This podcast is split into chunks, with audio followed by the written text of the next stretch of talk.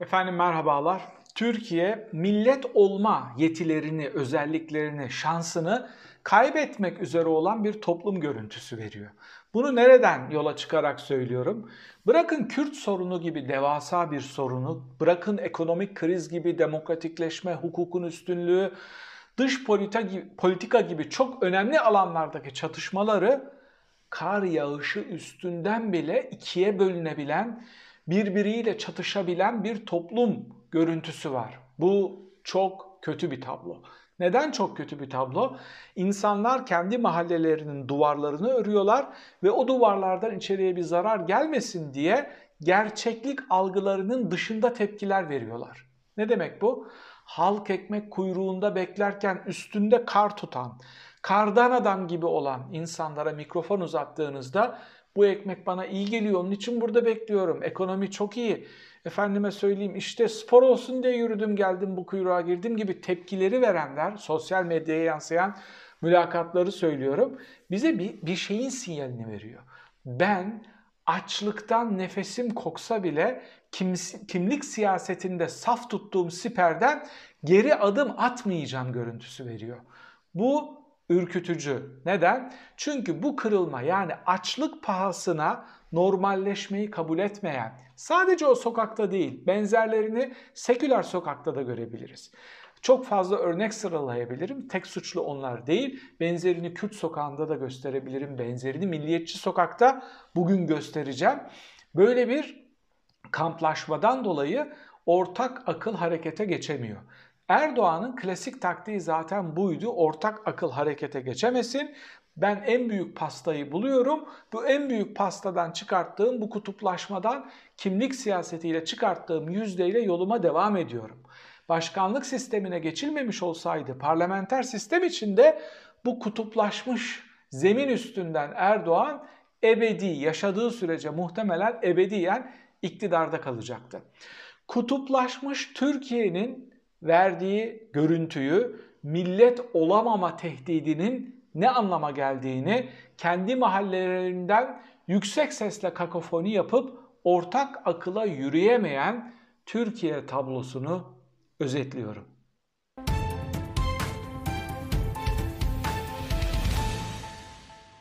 Türkiye demokratik bir çatırdamanın eşiğine geldi. Yani bundan sonra ya normalleşeceğiz. Tekrar kusurlu da olsa işleyebilen bir demokrasi inşa edeceğiz ya da artık engellememizin mümkün olmadığı otokratik bir rejime evrilmiş olacağız.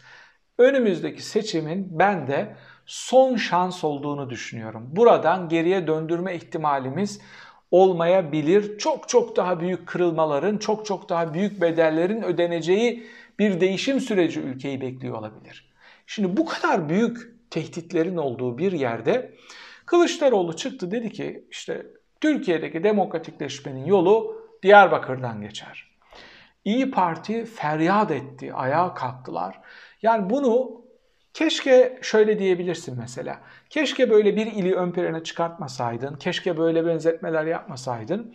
İyi Partili Yavuz Ali Ağoğlu, Ağır Ali, Alioğlu Çıktı dedi ki bu ülkeye demokrasi gelecek yolu Diyarbakır'dan geçen sözleri kabul edilemez.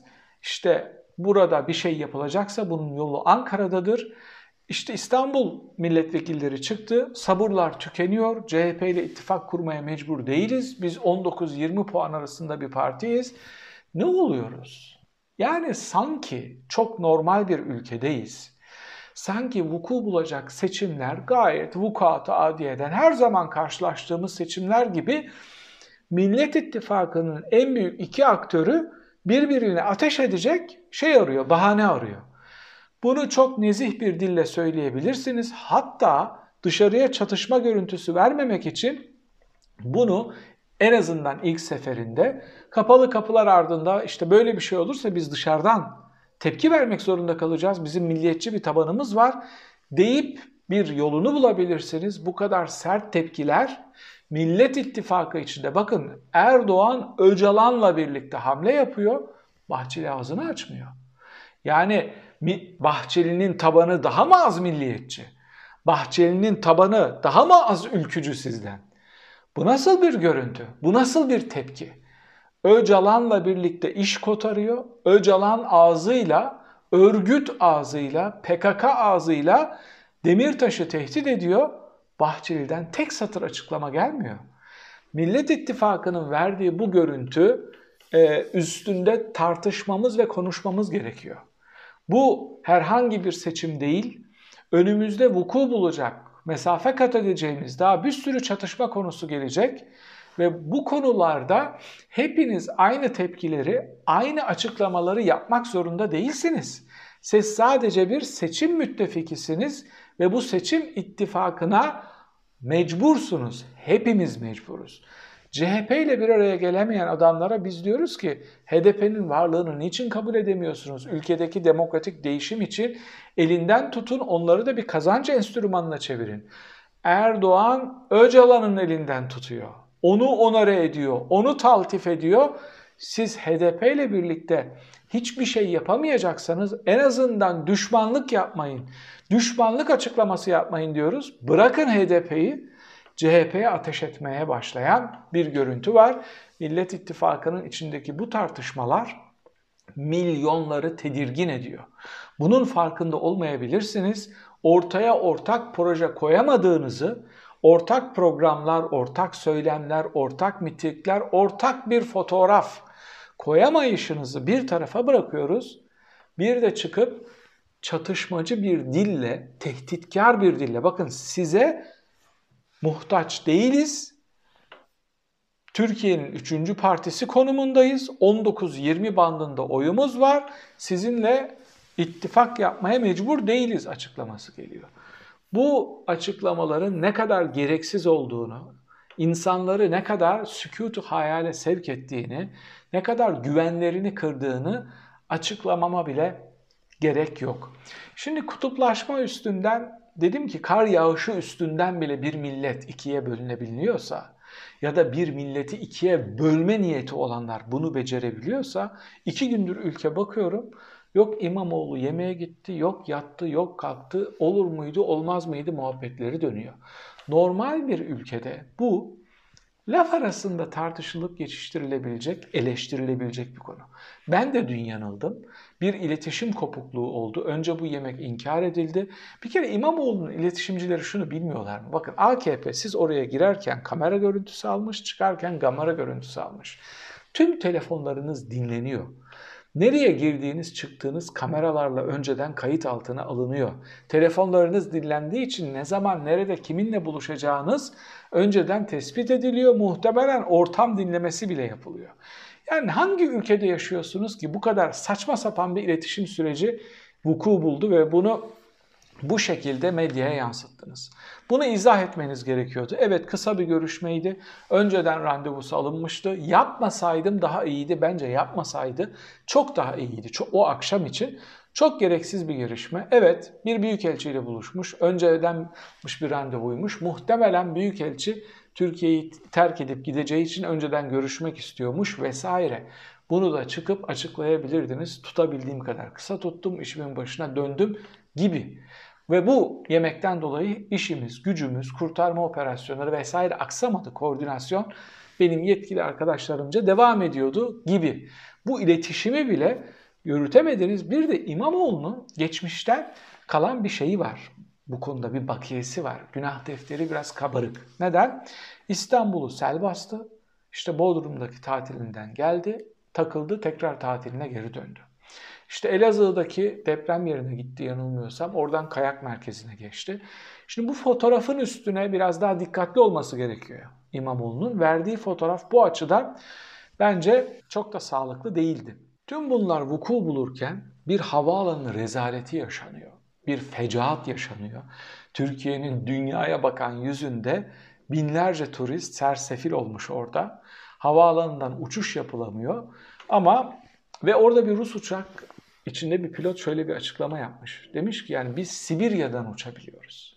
Biz öyle bir altyapı ve sistem kurmuşuz ki işte yılın bilmem kaç mevsimi günü kar yağan ve kapalı olan, buzlu olan Sibirya'dan uçabiliyoruz. Bunlar işte 20 santim 30 santim karı gördükleri zaman uçamıyorlar diye açıklama yapmışlar. Ben şunu anlayamıyorum. Yani herhalde iktisadi yönden e, çok fazla getirisi olmadığı için orman yangınları gibi self birkaç gün gelir geçer gibi mi düşünüyor bilmiyorum.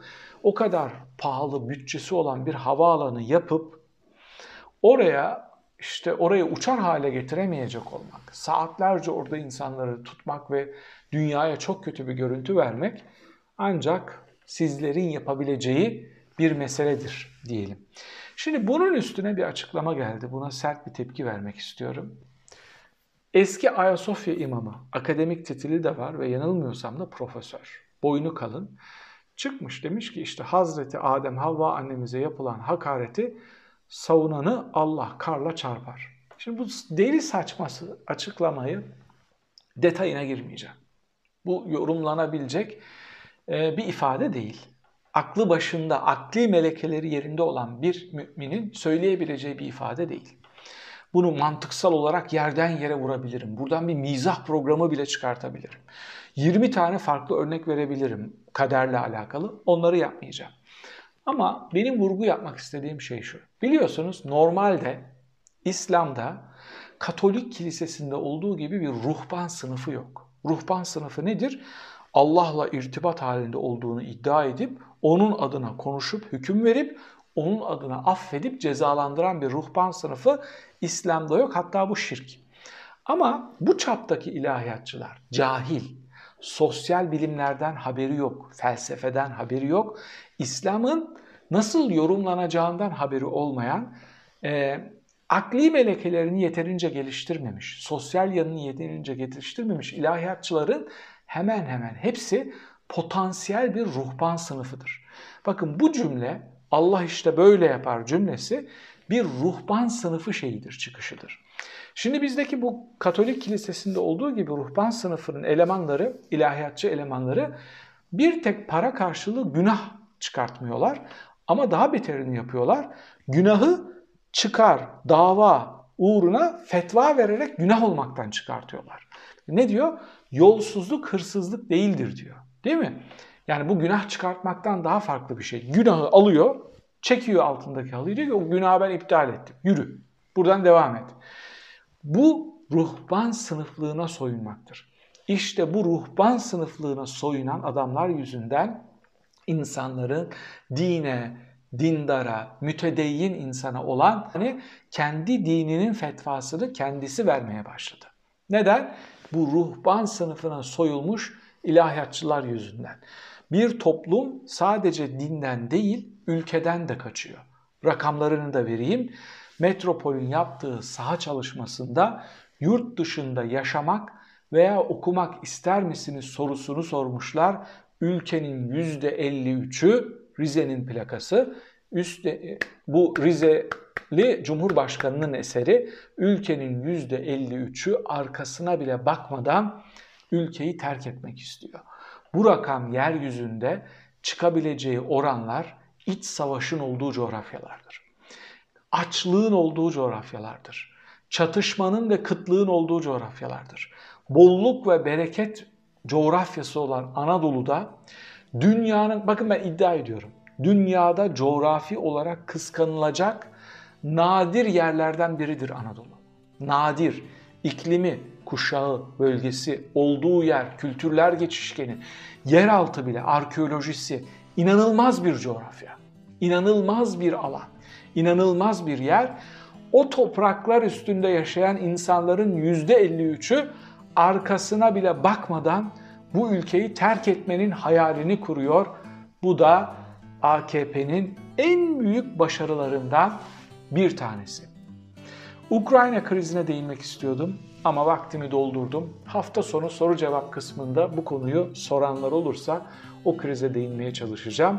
Sorum şu, bu %53'ün yurt dışına kaçma hayallerine ne diyorsunuz? Haklılar mı? Siz içerideyseniz, Türkiye'deyseniz şayet bu tür hayalleriniz var mı? Varsa neden var? Hangi sahiplerle? Yurt dışına çıkmak istiyorsunuz? Yorum köşesinde bunu tartışabiliriz. Bir sonraki videoda tekrar birlikte olmak üzere efendim. Hoşçakalın.